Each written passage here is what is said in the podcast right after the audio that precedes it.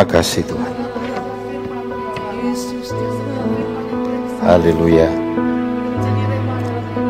Terima kasih. Haleluya Yesus. Terima kasih. Haleluya Yesus. Segala puji dan kemuliaan bagi nama. Amin amin. Terima kasih. Amin. Puji Tuhan. Selamat pagi, selamat kita boleh bertemu dalam kasih Tuhan. Semua bersuka cita? Amin. Allah yang kita sembah adalah Allah yang ajaib, yang luar biasa, yang boleh menolong kita semua. Puji Tuhan ya, salah tiga udah macet saudara ya. Dan kita bersyukur kalau kita boleh menikmati tahun ini dengan sedikit kelonggaran, tetapi kita mau tetap jaga protokol kesehatan kita. Ya, saya senang mendapatkan laporan-laporan dari jemaat-jemaat yang apa UMKM UMKM ya, warung yang memproduksi uh, apa makanan-makanan, snack-snack ya. Waduh, rame luar biasa sudah ya. Puji Tuhan. Kita nikmati, kita bersyukur dan kita terus percaya bahwa kasih Tuhan senantiasa menolong kita semua. Puji Tuhan.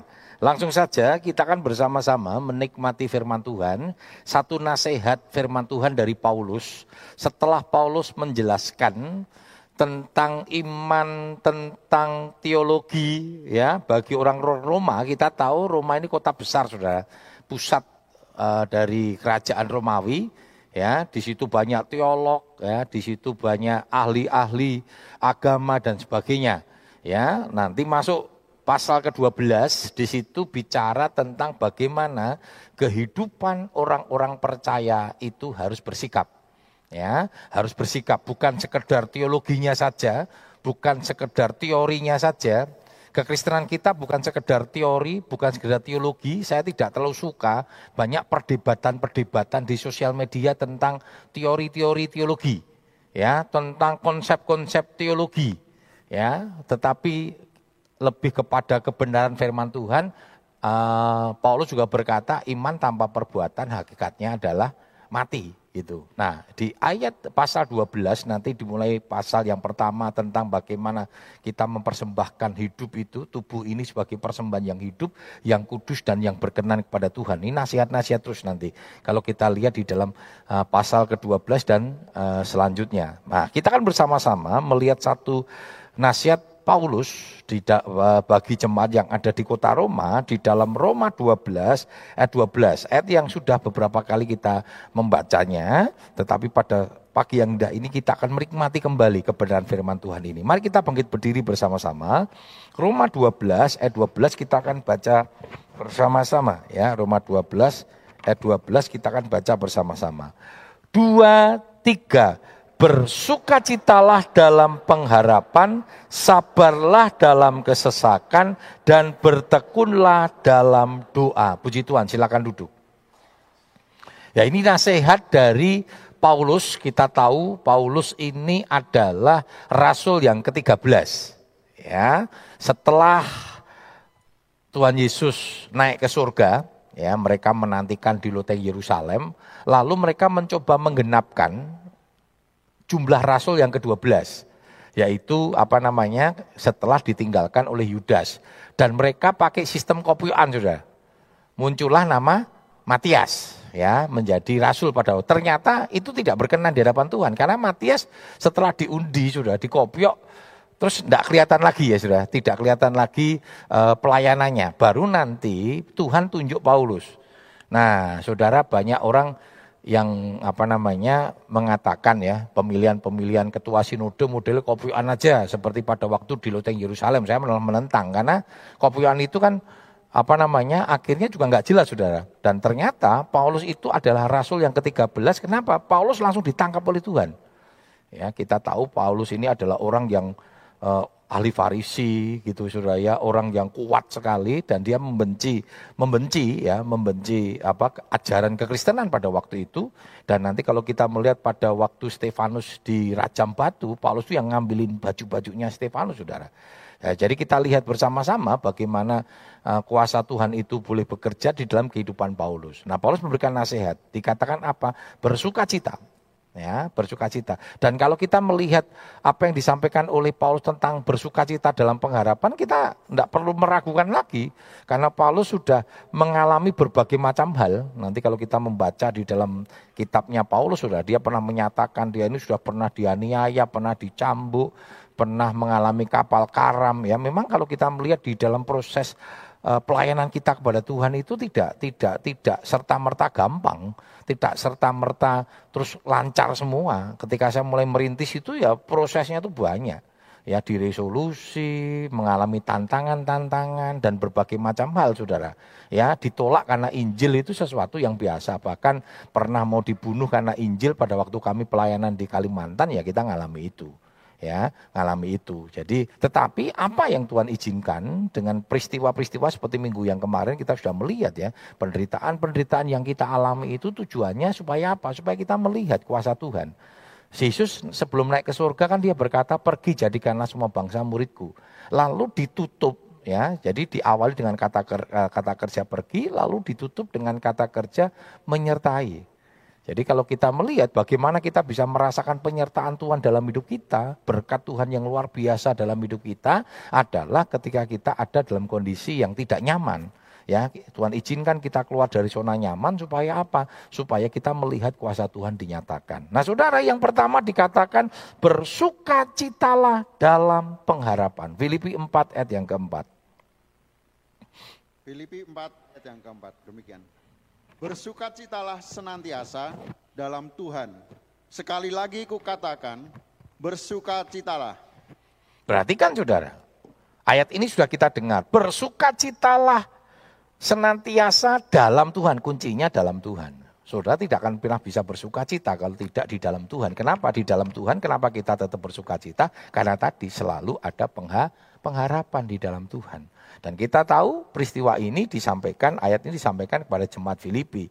Paulus punya pengalaman di Filipi, saudara ya. Dia pernah dipenjara karena nama Tuhan, saudara. Ya, karena nama Tuhan. Ya, jadi bukan karena kesalahan. Petrus berkata kalau kamu dihajar, kamu dipukul karena kamu mencuri, ya itu kesalahan kamu.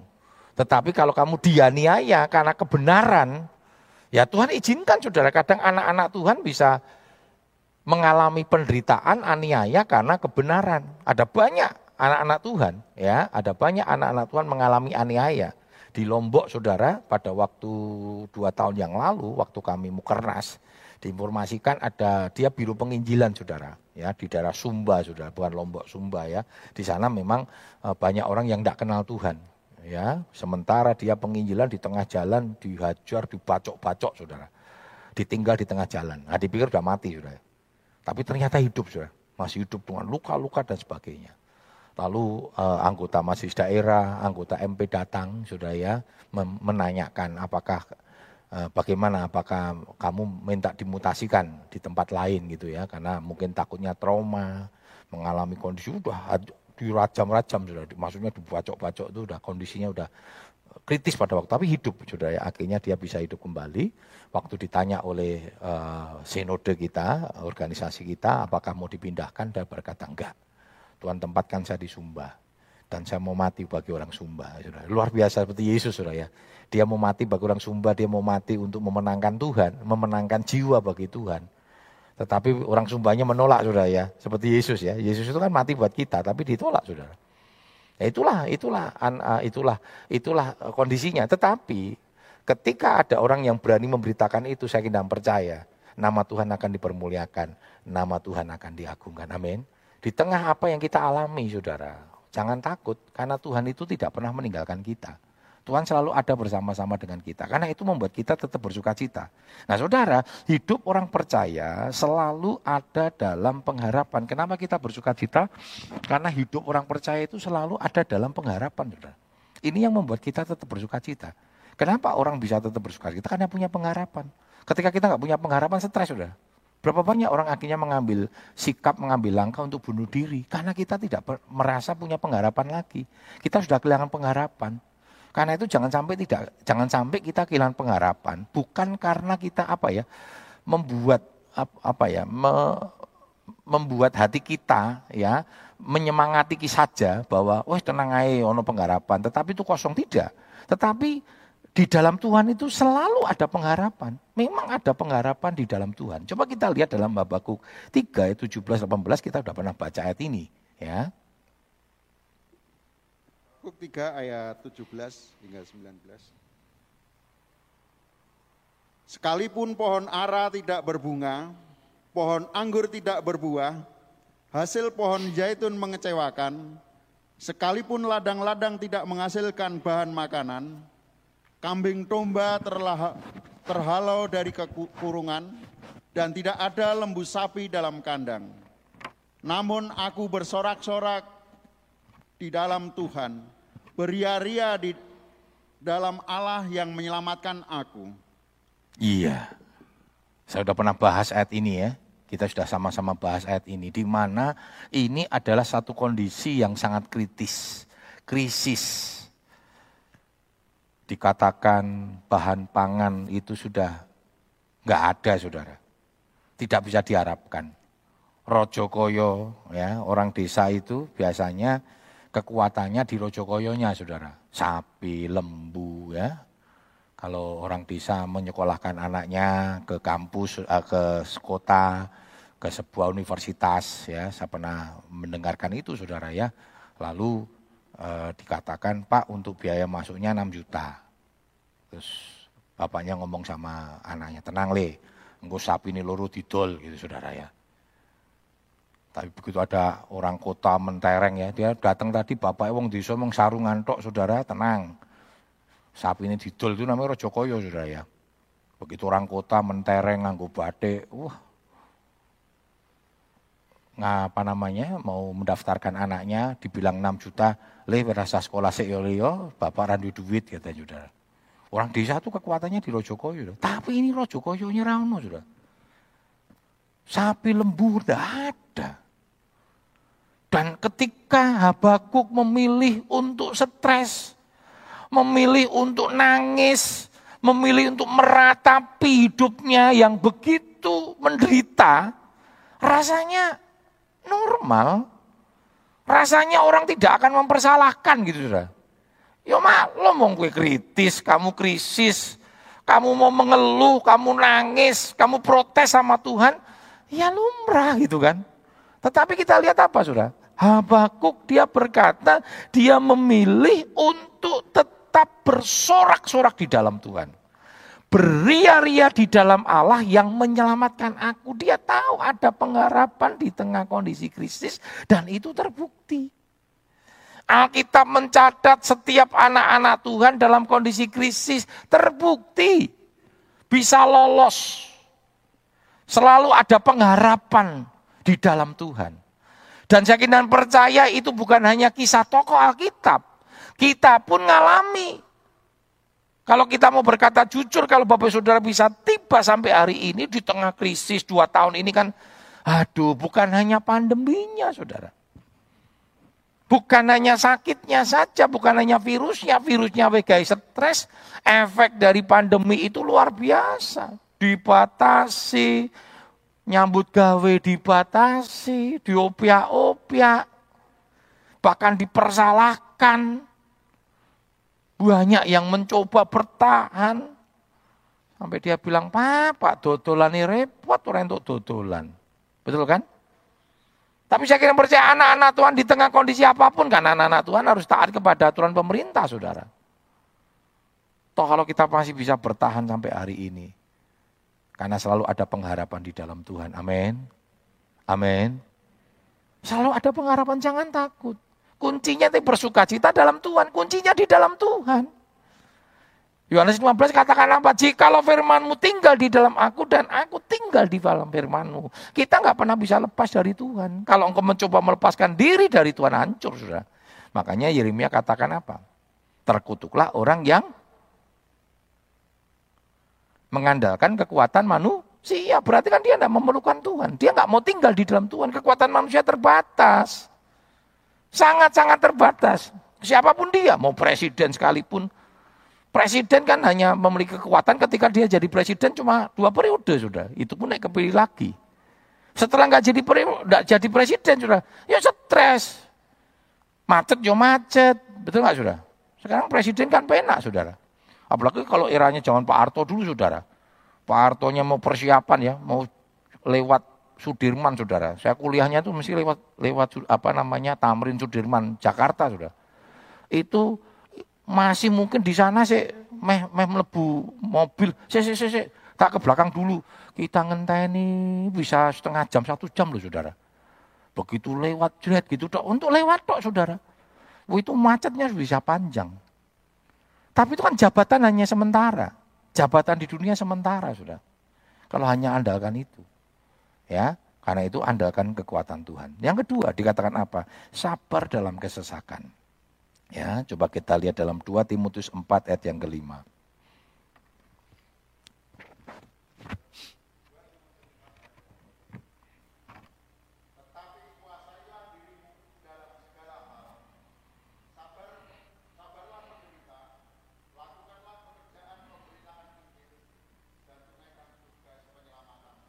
Pelayananmu. Ya, puji Tuhan. Dikatakan tetaplah kuasai dirimu dalam segala hal, sabarlah menderita, sabar. Ya, sabar menderita, sabar dalam kesesakan, artinya penderitaan yang Tuhan izinkan.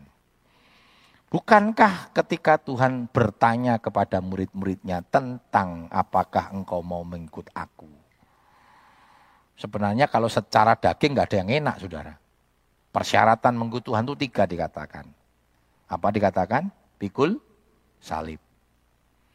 Pikul salib ini artinya bukan salib yang kita cari. Jangan cari salib sendiri saudara.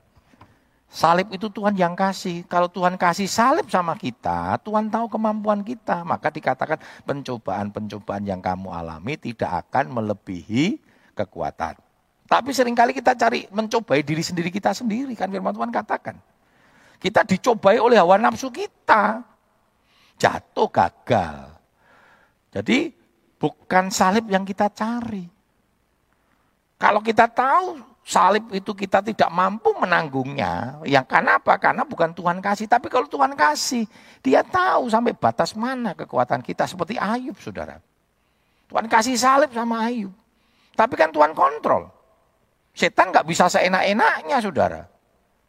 Jadi jangan takut.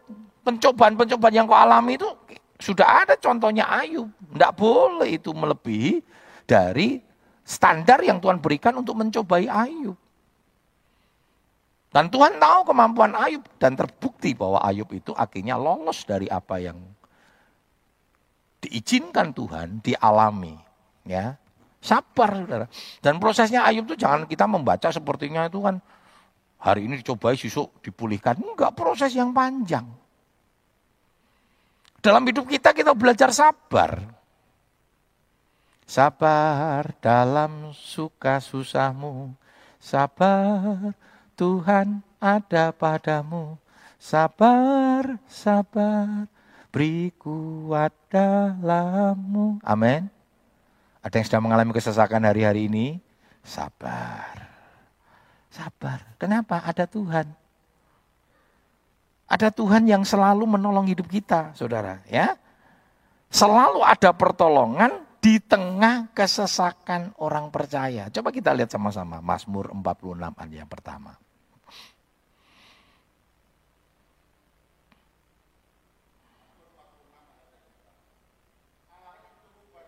Mungkin bisa diganti Pak, mic-nya bisa diganti.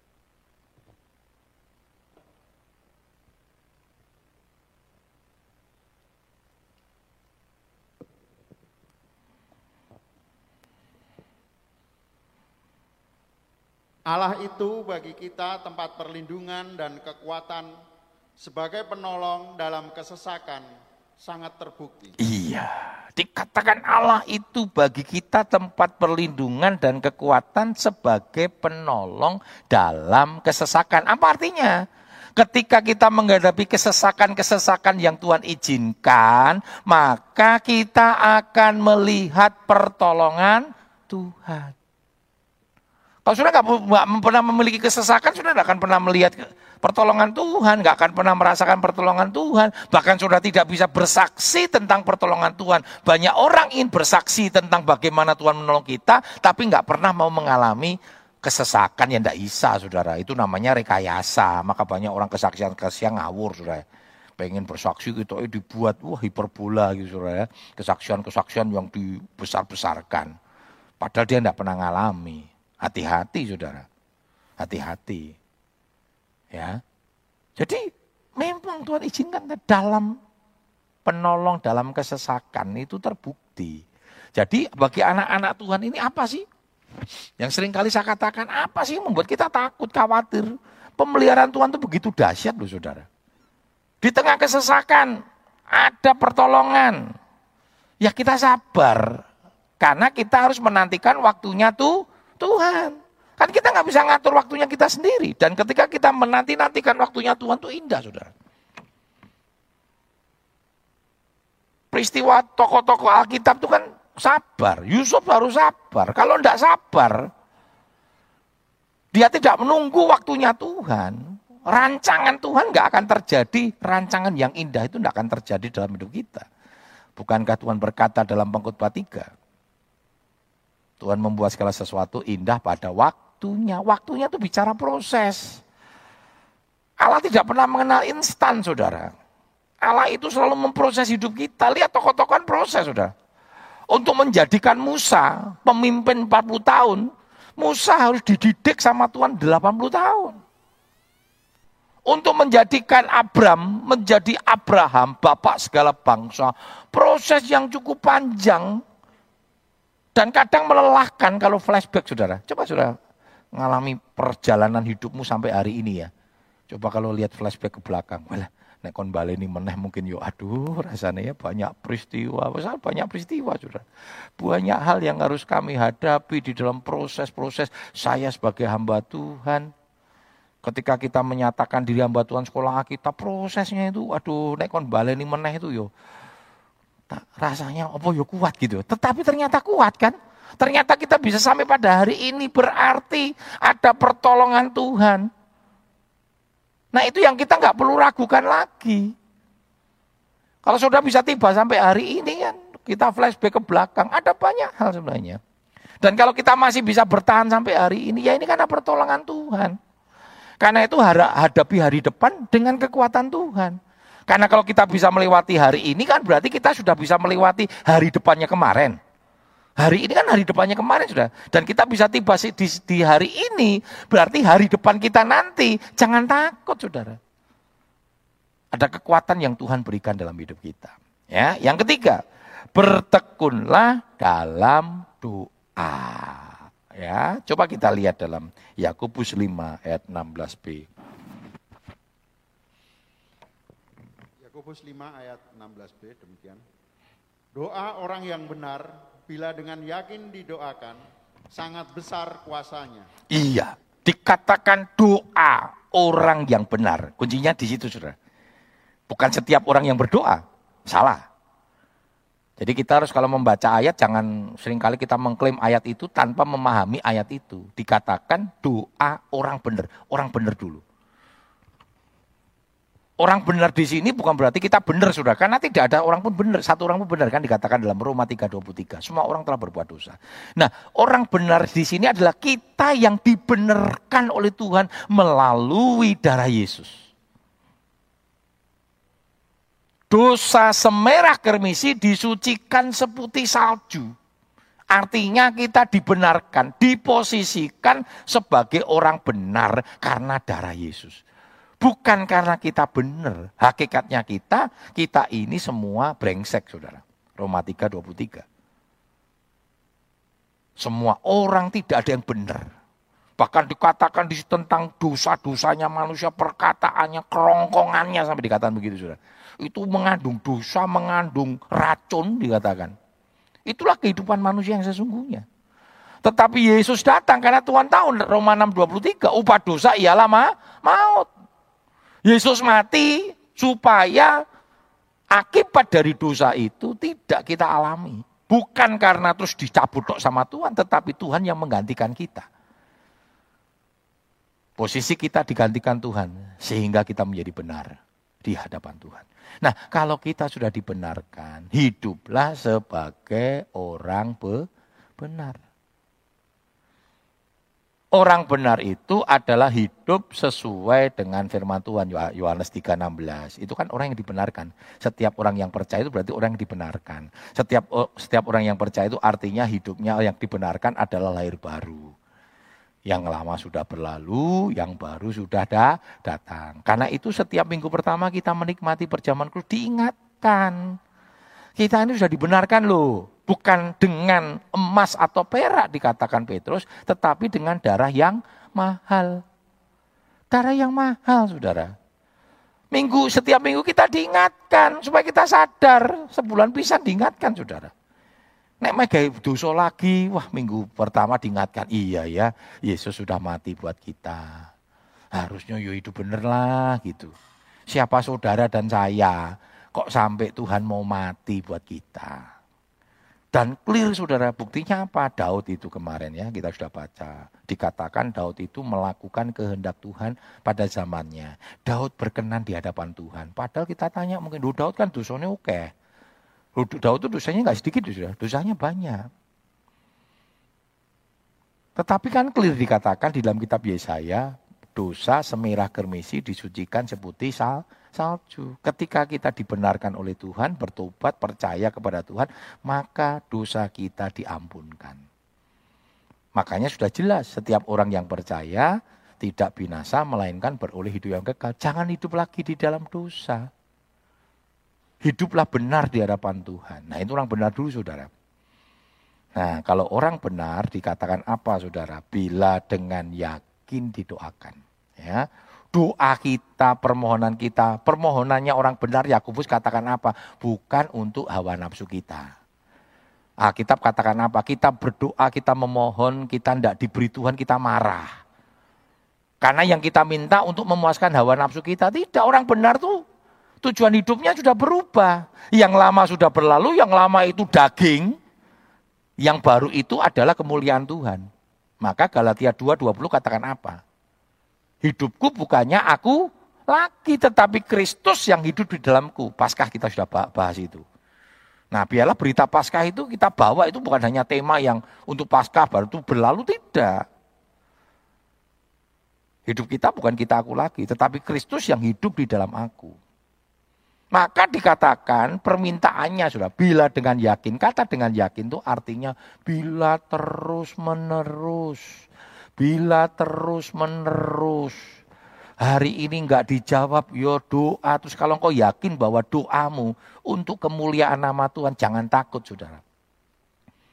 Masih ingat seperti perumpamaan seorang hakim yang lalim, yang jahat. Lalu ada seorang ibu yang ketok-ketok minta supaya apa, apa masalah anaknya dibela saudara. Terus ketok-ketok bengak-bengok, tolong toh Pak Hakim, anakku tolong oh, pagi, siang, malam, bengak-bengok saudara. Sampai akhirnya hakimnya ini terganggu. Dia ngomong, nek ora tak tolong aku reso turu, siang reso turu, sore reso turu, wengi reso turu. Maka akhirnya dia menolong saudara. Bukan karena baik hati, tetapi supaya tidak terganggu. Tuhan gambarkan ini sudah dikasih dikasih contoh yang kontras. Lalu dikatakan Tuhan kita bukan hakim yang lalim. Tuhan kita hakim yang a, adil kan saya katakan. Dia hakim yang adil. Mosok. Hakim yang lalim aja ketika digedar-gedor, gedar-gedor, gedar-gedor aja akhirnya menolong. Apalagi Tuhan kita hakim yang adil. Tuhan akan menolong kita. Cuma kadang kita menantikan waktunya Tuhan itu loh saudara.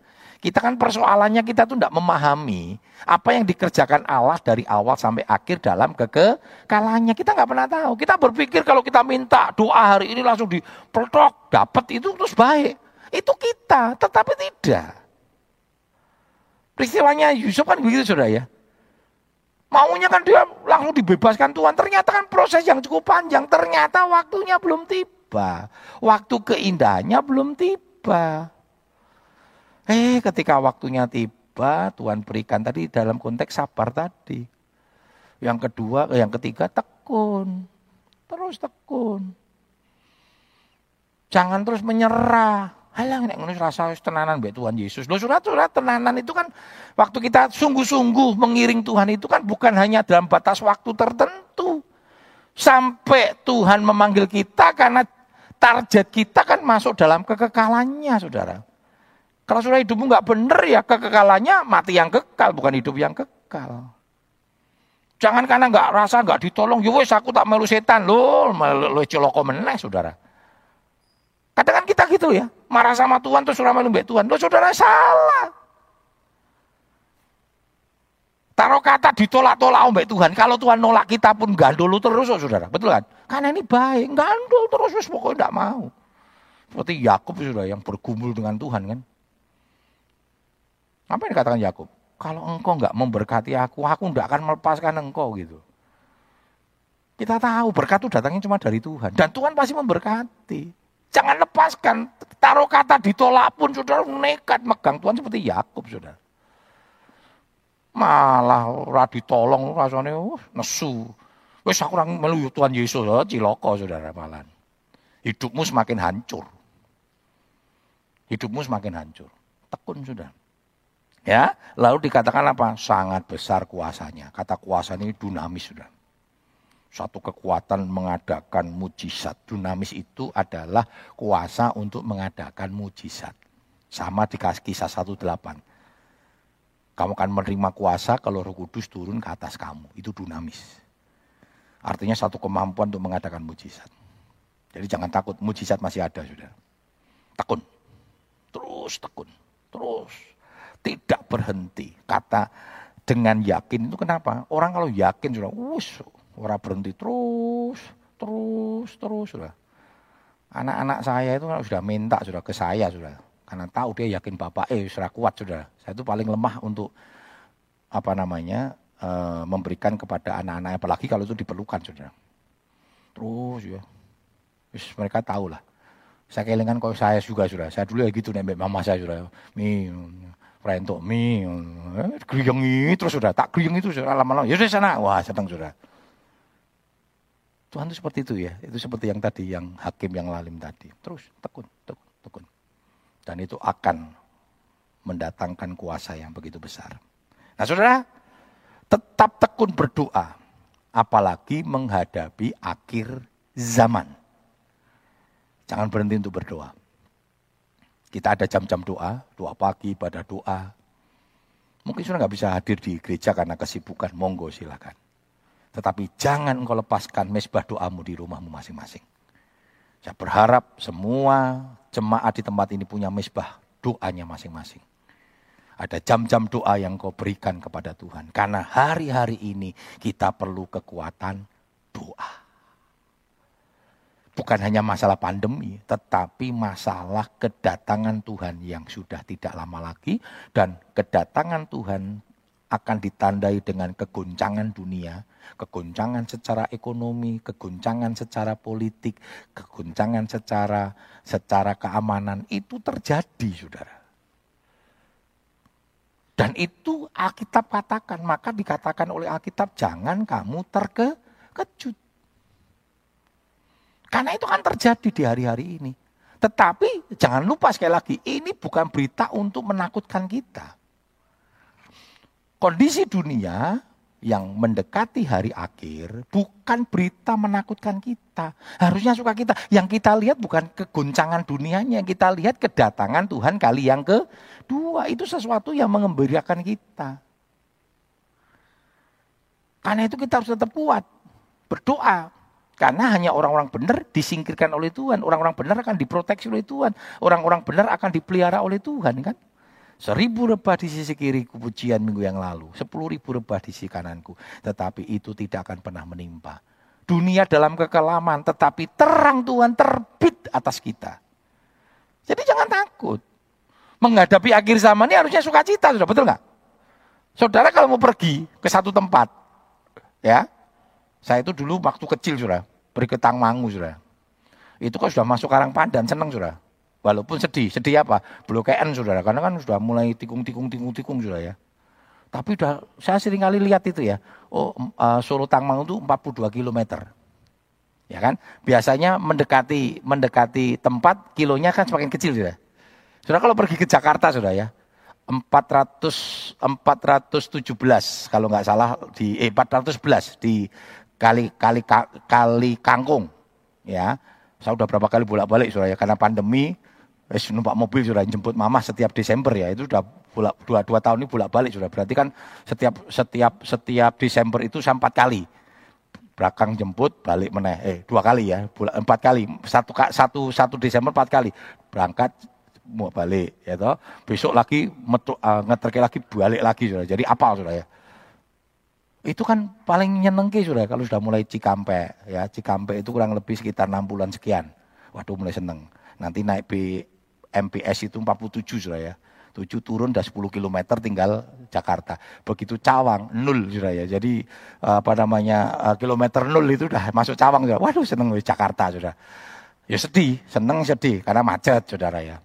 Nuh, sama sudah. Kalau kita ini kan kalau kedatangan Tuhan kan harusnya kan semakin cerdas semakin seneng sudah ya. Wah, Dulurnya teko, wah dulurnya ketemu Gusti Yesus. Waduh, tatap muka, muka dengan muka. Waduh, sukacita.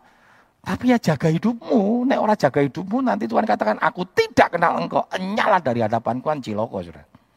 Ya, karena itu jaga hidupmu. Mari kita baca dalam 1 Petrus 4 ayat yang ketujuh. Berdoa. Ya, keseruan segala sesuatu sudah dekat, kuasai diri, jadi tenang, supaya kita berdoa. Ya, kuasai hidupmu, kuasai dirimu, tetap percaya. Kenapa kita bisa menguasai diri? Karena kita tahu selalu ada pengharapan di tengah kesesakan kita, ya di selalu apa kita bersuka cita di dalam pengharapan ya kita tetap sabar dalam kesesakan karena Tuhan selalu menolong penolong dalam kesesakan sudah terbukti dan tekun berdoa percaya bahwa doa orang benar bila dengan yakin didoakan sangat besar kuasanya puji Tuhan terima kasih Tuhan Hati kami penucapan syukur Tuhan. Bagi yang indah ini kami boleh diberkati melalui kebenaran firman-Mu, melalui perjamuan yang kudus. Kami diingatkan kembali bahwa Engkau mengasihi kami. Oleh karena itu kami harus mengasihi Tuhan dengan segenap hati kami. Ampuni kami Tuhan, kalau sering kali kami tidak sungguh-sungguh di dalam melayani Tuhan. Ampuni kami Tuhan. Terima kasih Bapak. Hambamu berhenti berbicara tetapi kuasa roh kudus akan terus memeteraikan ke dalam hati kami yang paling dalam. Hanya di dalam nama Tuhan Yesus Kristus. Kami sudah berdoa. Haleluya. Amin. Puji Tuhan. Silakan duduk.